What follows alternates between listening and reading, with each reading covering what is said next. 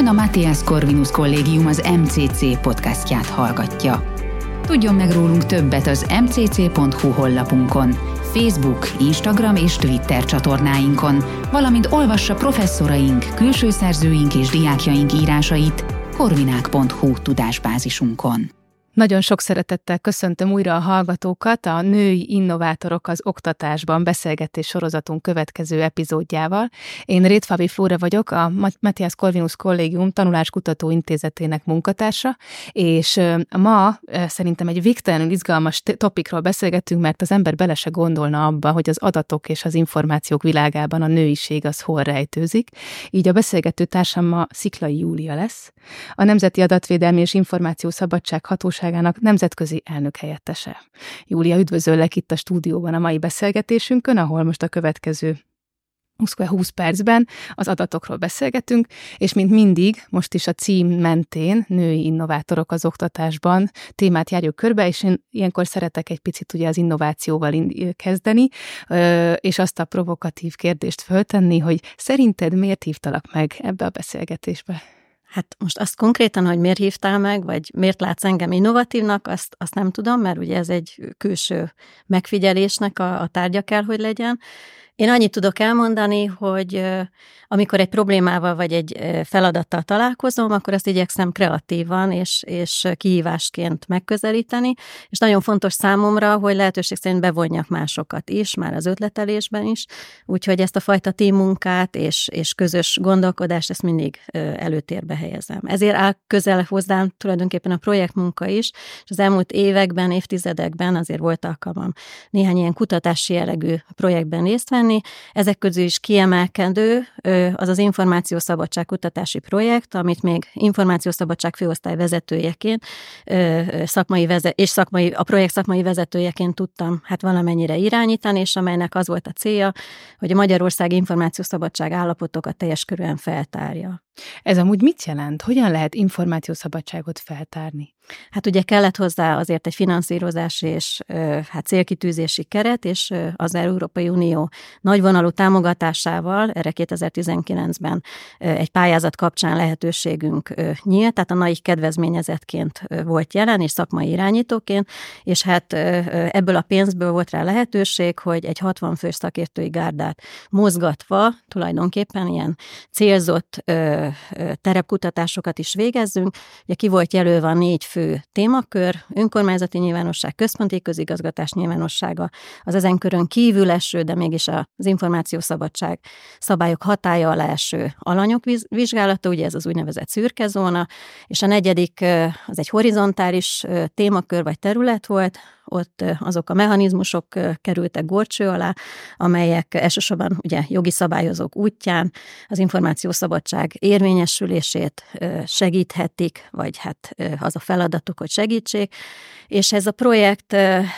hát sok hiányosságot, rossz gyakorlatot feltárt, tehát azért van hova fejlődni, de ugyanakkor megbízható adatokkal és hát kutatási eredményekkel szolgált arra, hogy hát honnan kell indulni ahhoz, hogy a magyarországi állapotok is javuljanak. És annak ellenére, hogy én felettébb izgalmasnak találom ezt a témát, és nagyon szívesen elmerülnék, muszáj a címhez hűnek maradnom, és visszaterelődni az innováció és az oktatás téma, témaköréhez,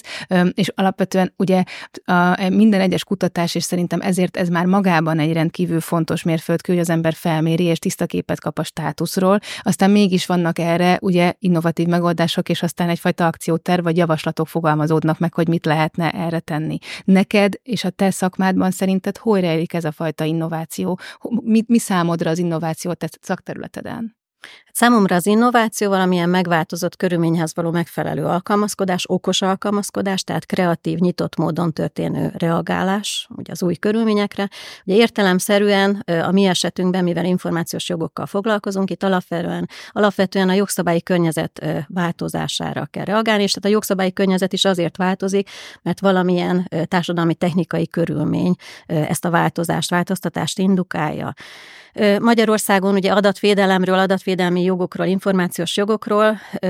csak a rendszerváltás, rendszerváltozás, rendszerváltoztatás utáni időszak kapcsán beszélhetünk, hiszen Ugye az az érdekes helyzet állt elő, hogy Magyarországon az információs jogok egyben emberi jogként is definiálhatók, hiszen értelemszerűen egy diktatúrában sem az átláthatatlan polgár, sem az átlátható állam elve a gyakorlatban nem működhetett, tehát a 89-es alkotmány módosítás hozta be ezeket a jogokat, alapjogokat is az alapjogi katalógusokba, és aztán 92-ben született meg az első nemzeti törvényünk, ez volt az első adatvédelmi törvény, ami egyébként teljesen unikális módon mind a két alapjogot, mind a közérdekű adatok nyilvánosságához való jogot, mind a személyes adatok védelméhez való jogot, ugye egy jogi normában szabályozta, és hát már az adatvédelmi törvény is azért számos változtatáson, módosításon esett át. Ugyanaz a helyzet a 2011 óta létező infotörvényel, ez tulajdonképpen ennek az első adatvédelmi törvénynek az utóda, és hát óriási változás volt, történt 2016-ban, illetve hát a gyakorlatban 2018-ban, amikor az Unióban közvetlenül alkalmazhatóvá vált az a jogszabály, ugye ez a GDPR, az Uniós Adatvédelmi Rendelet, és egyébként ennek párja, amiről azért sokszor elfeledkezünk, ez a bűnügyi irányelv, amely ugye nem közvetlenül vált alkalmazhatóvá, hanem egy ilyen nemzeti jogba való implementációs aktusra is szükség volt. Tehát ezek voltak azok a nagy mozgató rugók, ami hát abszolút nagy változást hoztak ezen a téren, és erre természetesen a felügyeleti hatóságnak is megfelelően kellett reagálni. Amúgy mindebből a rendkívül szervezett és, és nagyon nagy háttér, komplex háttérrel rendelkező uh, tudásanyagról azért a laikusok és a közemberek a GDPR szóra kapják fel a fejüket szerintem leginkább, mert ez az, amivel mi minden nap találkozunk. Uh, szerinted amúgy a, te mit tapasztalsz, hogy a, hogy, hogy a közember mennyire vigyáz oda az adataira, mennyire van tisztában a jogaival, és mennyire a, a, a védelmével, mennyire foglalkozik? Hát ez egy nagyon érdekes kérdés. Az én véleményem az, hogy az óvatosság, a veszélyérzet az benne van az emberekben, sokféle okból. Túl, annak is köszönhetően például, hogy a GDPR 2018-as alkalmazhatósága gát azért övezte egy információs kampány, nem tudom, hogy emlékszel rá, hogy ilyen nagy, óriás plakátok jelentek meg, magas, rendkívül magas összegű ö, ö, szankcióknak, pénzbírsági plafonoknak köszönhetően is. Tehát a, a veszélyérzet az benne van az emberekbe, a maga a tudás, tehát az a az adatvédelmi ö, tudás, ami nagyon sokszor ö, ugye abba már beleütközik, abba az akadályba, hogy az apróbetűs adatkezelési nyilatkozatokat, tájékoztatókat ö, nem is olvassák el az emberek, nem is érthetően vannak ezek megfogalmazva, tehát az is ö, egy oka ennek, hogy ö, még jogászok sem értik mindig ezt a nagyon bonyolult és mindenre, minden részletre kiterjedő adatvédelmi nyelvezetet. Tehát a tudatosításnak, a tudatosságnak azért még nagy fejlődési területe van itt Magyarországon, de az emberek fejébe azért már úgy a, a, a veszélyérzet kapcsán azért már benne van, hogy ez egy fontos dolog. Nagyon sok kellemetlenség és hát rossz dolog származhat abból, hogyha akár önhibánkból, akár önhibánkon kívül, de a személyes adatainkat valamilyen veszély éri. És ugye a nem tudás az nem mentesít, úgyhogy ezért érdemes utána olvasni, és az embernek kicsit képbe kerülnie, amihez szerintem úgy nagyon sok mankót lehet megtalálni. Üm, nagyon érdekes, mert az olvasóknak hadd áruljam el, hogy mielőtt találkoztunk volna, és elkezdtünk volna, ugye, vagy elkezdtem volna felkészülni erre a beszélgetésre, akkor én kaptam Júliától egy nagyon érdekes kutatást, a női méltóság és az adatvédelem témakörében, és ahogy én beleolvastam, ugye nekem laikusnak az adat és a jog az ugye főleg az adatok tekintetében Számomra meglepő volt, bár teljesen egyértelmű, hogy az adat nem tesz különbséget férfi és nő között, mert az adat ugyanúgy vonatkozik mindenkire. Akkor mégis hogyan születhetett egy ilyen tanulmány a női méltóság és az adatvédelem témájában? Hát ez egy nagyon érdekes kérdés, mert ugye eleve az adatvédelmet, a személyes adatok védelméhez való jogot az emberi méltóság anyajogából eredeztetjük, tehát alkotmányjogilag ez úgy néz ki, hogy a személyes adatok védelméhez való jognak a közvetlen előjoga, ugye privát szféra védelméhez való jog, a magánélet, családi élet védelméhez való jog, és ennek a háttérjoga, a kvázi anyajoga, az emberi méltósághoz való jog, ami hát alkotmányos értékeink szerint szent és sérthetetlen, és amikor például valamilyen értelmezési kérdésre sor kerül, akkor ehhez azért mindig, mint ugye a KH-hoz visszatérünk. Tehát az emberi méltóság az az adatvédelemben egy igen jelentős alap alapot képez.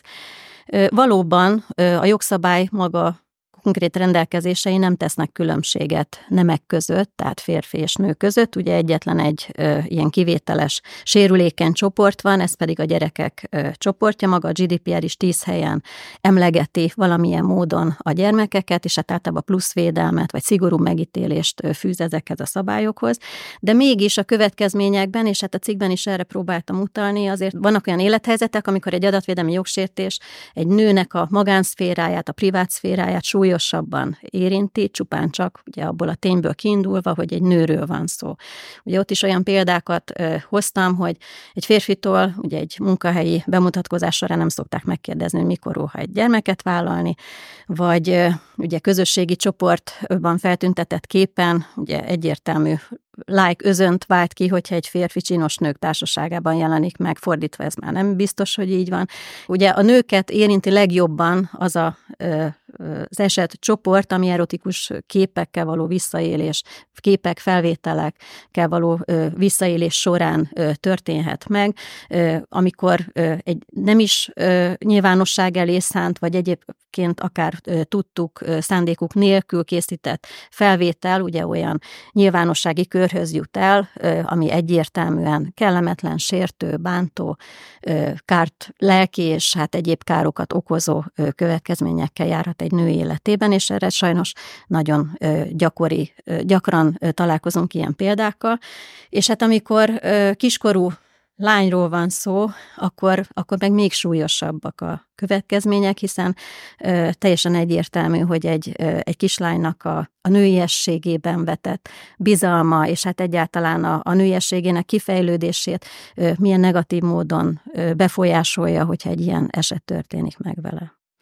És a, mert akkor itt szépen apránként át tudunk kanyarodni amúgy a gyerekekre és, a, és az ide kapcsolódó oktatási lábra is, mert hogy ö, ö, mi ugye egy konferencián találkoztunk, az Ettek Summit konferencián találkoztunk, ahol ö, a, a gyerek, gyerekvédelemnek és az adatokban, a digitális térben való ö, megjelenésének a gyerekeknek ö, volt egy ö, fontos kerekasztal beszélgetése.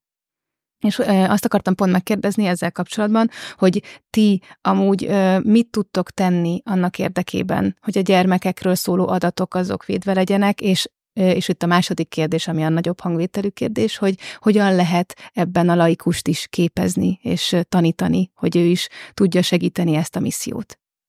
Hát ugye egyrészt az adatvédelmi hatóságoknak kiemelt feladata a gyerekek védelme, és a gyerekek védelmébe belefoglaltatik az a kötelezettség is, hogy próbáljunk hozzájuk tájékoztató anyagokkal, felvilágosító kampányokkal minél közelebb kerülni, és felhívni a figyelmüket a veszélyekre. 2013-tól tulajdonképpen erre a témára kifejezetten odafigyelünk, így indítottunk egy kampányt is, ugye Vastag Tamás dalával, ami arról szól, hogy a fiatalok ügyeljenek jobban az általuk megosztott személyes adatokra. Kiadtunk kiadványokat kulcsanet világához, illetve kifejezetten a kicsik tíz év alattiakra vesz, leselkedő veszélyekről a kulcsocska a net világához címmel Részt vettünk szintén olyan uniós pályázaton, ahol kifejezetten ugye tanárok által használható adatvédelmi képzési oktatási anyagok létrehozatala volt a cél, és ennek keretében kiírtunk például egy versenyt, ahol, amire nagyon sokan, országszerte nagyon sok pedagógus jelentkezett, a legjobb adatvédelmi tanóra címmel, ezt egy Csepeli rendkívül elhivatott és, és a témát nagyon okosan megközelítő hölgy nyerte meg, és hát ennek volt egy nagyon szép díjazása is, mert a, a gyerekekkel együtt Barcelonába lehetett kimenni, és ott bemutatni egy konferencián ezt, a, ezt az órát, ezt a tanórát. Illetve hát ugye azokkal az esetekkel, amikkel akár panasz alapján, akár hivatalból foglalkozunk, és ahol ha gyerekekről van szó, és gyerekek sérelmére történnek akár adatvédelmi incidensek, akár visszaélések, akkor ott bizony a körülmények megítélésénél, vagy a bírság kiszabásánál hát a naik ceruzája is nagyon vastagon fog, hiszen ugye ez a szankcionálási lehetőség, amivel érzékeltetni tudjuk, hogy vannak olyan tényezők, amiket abszolút tiszteletbe kell tartani, ilyen például a gyerekek jogainak és online jogainak is a védelme. Amúgy most, ha valaki szeretne erről többet olvasni, vagy szeretne önmagát képezni, hol, hol érdekli, hogy ő mit írjon be a Google-be? Hát a NAIK honlapját ajánlom elsősorban, ott van kifejezetten egy fiataloknak szóló rész, tehát NAIK weboldalát meglátogathatja, és hát elég sok elemzés cikk is születik azért ebben a témakörben, úgyhogy szerencsére így szakirodalomban nem, szakirodalomnak nem vagyunk hiány, de hát természetesen ez a téma az óriási odafigyelést igényel meg folyamatos odafigyelést.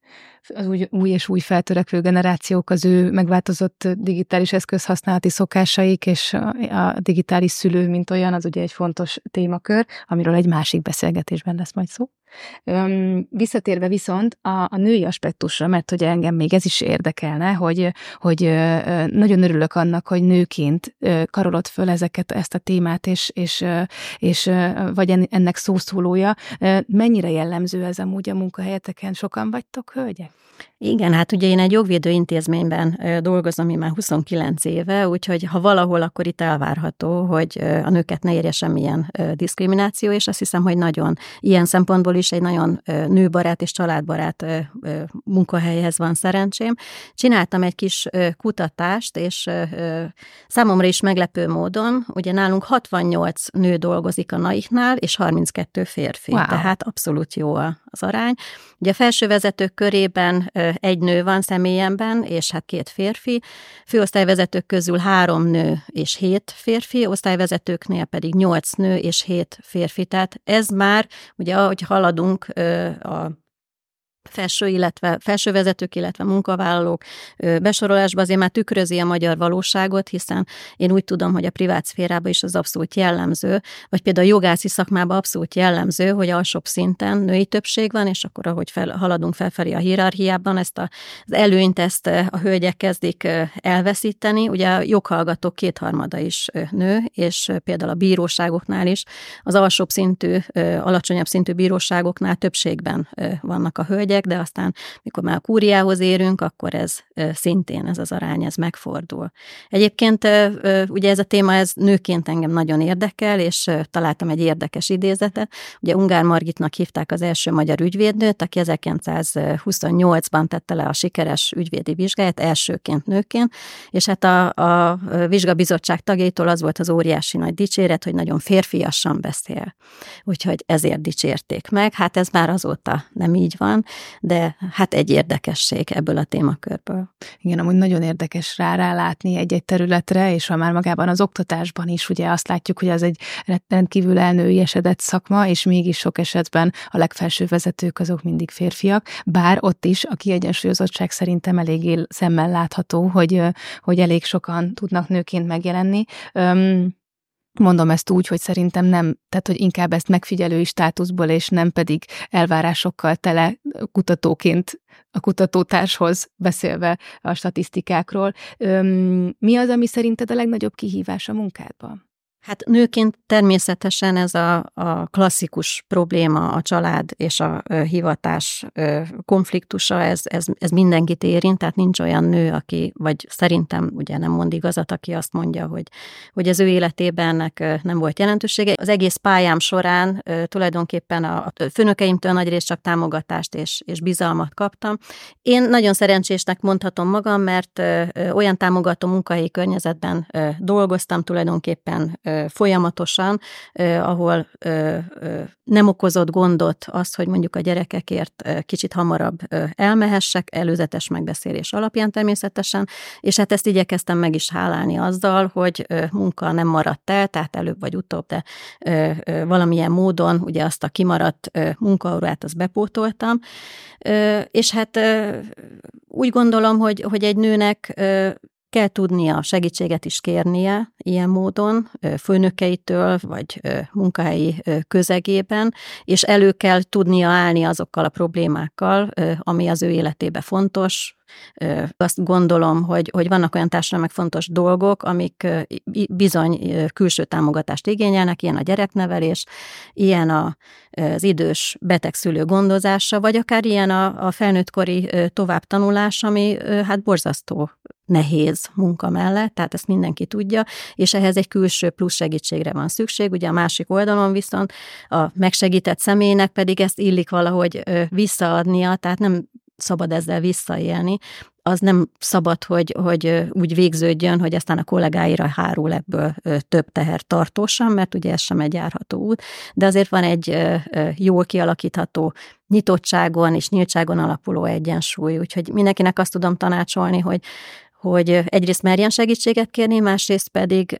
hát keresse meg azt a támogató közeget, hogyha van rá lehetősége, ami őt a céljai meg vágyai elérésében támogatja, hiszen például azok a példák, amiket mondtam, gyereknevelés, időszülő ápolása, stb. Azért ezek a társadalom olyan fontos kiemelt témák, amik hát közösségi szinten is hasznosnak minősülnek. Hát meg nem mellesleg úgy kezdted a beszélgetést, hogy hiszel a csapatmunkában, úgyhogy ez itt is vissza visszaköszön. Így van. Tehát az emberi tényező az nagyon fontos. Sokszor néha szakmai tényezőket is felülírja, és aztán összességében végső soron mindig meghálálja magát, hogyha valaki az emberileg is megfelelő és módon És érdekes fűszer, hogy az adatok világában is az emberi tényezőt emeljük ki. Ez így van, és a bizalmat, ami ennek a két alkotmányos alapjognak is ugye végső célja és funkciója, a közbizalom megteremtése. Egy utolsó kérdést tennék még föl, a beszélgetésünk végéhez közeledve, hogy melyik az a tanács, milyen tanácsot adnál a te fiatal kori önmagadnak, a pályakezdő társaknak, hogy hogyan szemléljék aztán az előttük álló éveket? A pályám során nagyon szerencsés voltam, tehát igazából nagyon mást ö, ö, nem csinálnék. Ö, ami, ami külön köszönetet érdemel, hogy, hogy azt a bizalmat azt már az első főnökömtől megkaptam, hogy még alig pályakezdőként, mert rám fontos ügyeket győzni, mert engem konferenciákra küldeni, előadásra, projekteket vállaltam, és hát ez a bizalom aztán nekem szárnyakat adott, hiszen ugye viszonylag gyorsan bele tudtam tanulni azokba a dolgokba, amelyek bizony tanulási folyamatokat igényelnek. Tehát én azt a tanácsot adnám minden nőnek, hogyha ha van benne igény arra, hogy hogy tovább ö, ö, művelje magát, hogy tovább tanuljon, hogy bizonyos területeken elmélyítse tudását, akkor, akkor ö, erre ne sajnálja se az időt, se az energiát, mert ez végső soron legyen szó akár egy új nyelv megtanulásáról, vagy egy új diploma szerzéséről. Ugye én is már terhesen szereztem a második diplomámat, tehát ez, ez hosszú távon meghálálja magát, és a befektetett energia is megtérül. Nagyon szépen köszönöm, Júlia, ránk szánt időt.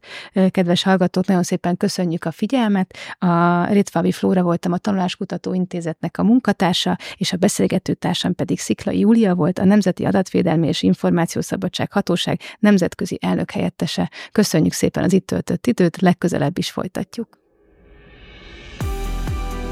Köszönjük, hogy meghallgatta ezt az MCC podcast epizódot. További híreinket és tartalmainkat megtalálhatja az mcc.hu honlapon, valamint Facebook, Instagram és Twitter csatornáinkon. Professzoraink, külső szerzőink és diákjaink írásaiért keresse fel korvinák.hu tudásbázisunkat.